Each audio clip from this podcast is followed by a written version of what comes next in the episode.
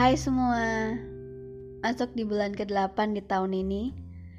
Dan itu juga berarti kita udah sekitar 4 bulan karantina diri di rumah. Kalian sadar gak sih?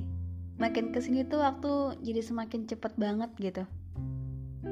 Kayaknya baru kemarin saya ngerayain tahun baru di rumah. Ya karena saat itu lagi hujan juga kebetulan.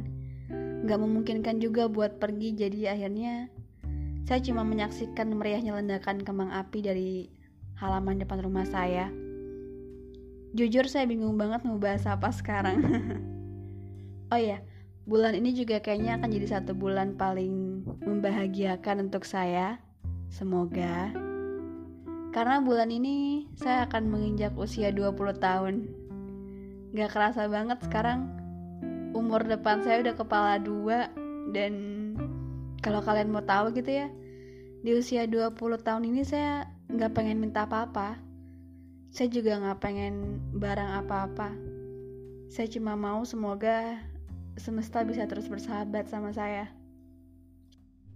Di usia 20 ini ada lumayan banyak banget hal yang saya pikirkan.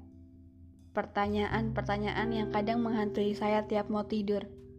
Atau mungkin sebenarnya itu bukan pertanyaan melainkan ketakutan dari kebiasaan overthinking saya. Sebagai anak perempuan pertama, ada banyak hal yang harus saya lakukan yang juga sering membuat saya jadi takut. Saya takut kalau apa yang saya lakukan ternyata salah. Saya takut kalau salah jalan.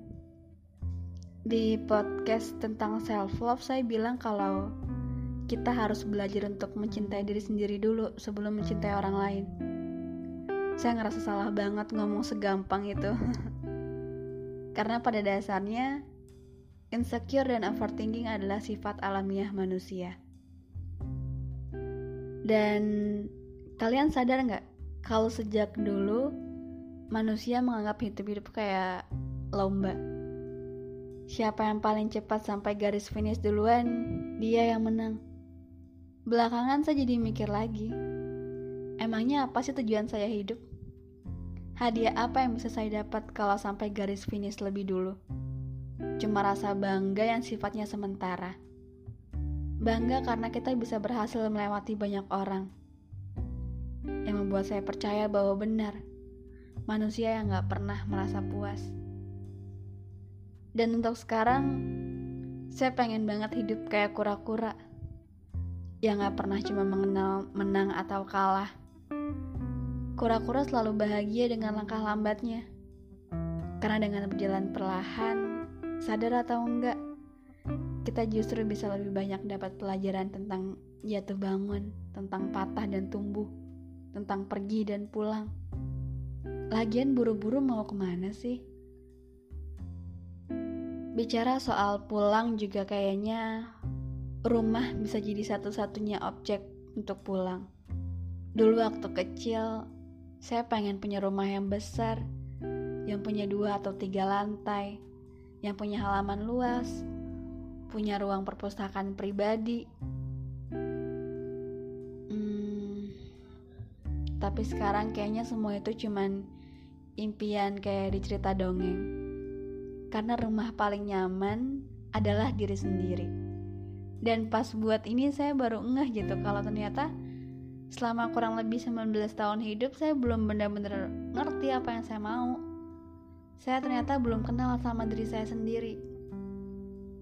Selama ini saya terlalu sering berkaca sama orang lain sampai saya lupa untuk menghargai semua jenis usaha yang saya lakuin.